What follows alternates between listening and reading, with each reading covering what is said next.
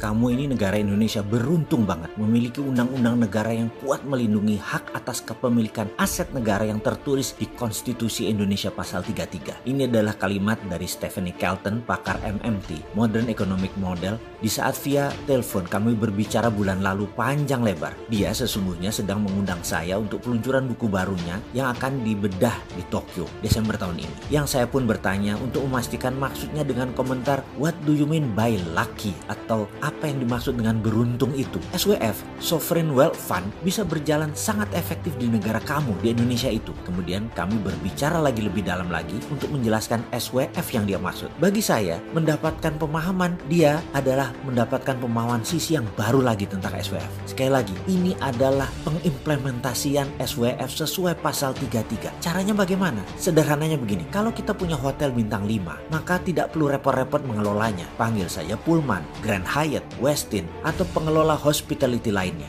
Sama dengan kekayaan aset mineral di Indonesia. Jangan kasih swasta apalagi asing untuk memiliki hak atas tanah tersebut. Bahkan mereka bisa menjaminkan aset tersebut untuk mencari pendanaan. Misalnya perusahaan Freeport. Jangan kasih Freeport memiliki aset tetapi mereka hanya kontraktor penambang saja. Aset Grasberg, jadikan aset Grasberg tadi terbitkan SWF, maka Indonesia dapat bilion dolar uangnya. Dan Freeport adalah hayatnya, dia adalah operator saja. Kita bayar berdasarkan throughput, begitu keluar produk koper konsentratnya, kita bayar per ton, misalnya X. Selesai sudah. Kalau sekarang mereka menjaminkan aset kita, dapat uang modal, lalu menambang, lalu menjual hasilnya, kita hanya dapat pajak yang kecil dan sebagian saham itu juga kecil. Jadi janganlah buat Freeport itu berkuasa memiliki aset. Dia sekali lagi hanya sebagai penambang kontraktor tambang. Sekali lagi, jadi tambang-tambang di Indonesia semua itu bagaikan hotel operator saja. Semua tambang dikelola badan khusus. Karena itu, saya sejak dulu mengusulkan berdirinya SKK Minerba. Kan di SDM ada SKK Migas, Satuan Kerja Khusus Migas. Di Minerba kita buat satu lagi, SKK Minerba, Satuan Kerja Khusus untuk Mineral dan Batu Bara. SKK itu adalah BUMNK, Badan Usaha Milik Negara Khusus. Kekhususannya adalah menerbitkan SWF, Sovereign Wealth Fund, untuk funding. Dan Stephanie Kelton menjelaskan rinci tekniknya, sederhana sekali. Nanti kita bahas di tempat yang lain ya. Kita lanjutkan lagi. Dengan adanya dana terbit SWF tadi, maka pasal 33 kita laksanakan secara benar. Negara memiliki harta dan uang. Kontraktor hanya mengerjakan penambangan. Kalau mereka tidak perform, ya ganti. Sesederhana itu. Jadi kuncinya tambah nomenklatur di Kementerian ESDM. Buat SKK Minerba seperti di zaman Pak Ibnu Sutowo dulu. Pakai SWF Migas. Uangnya untuk membangun Krakatau Steel dan beberapa industri lainnya di tanah air di awal tahun 70-an.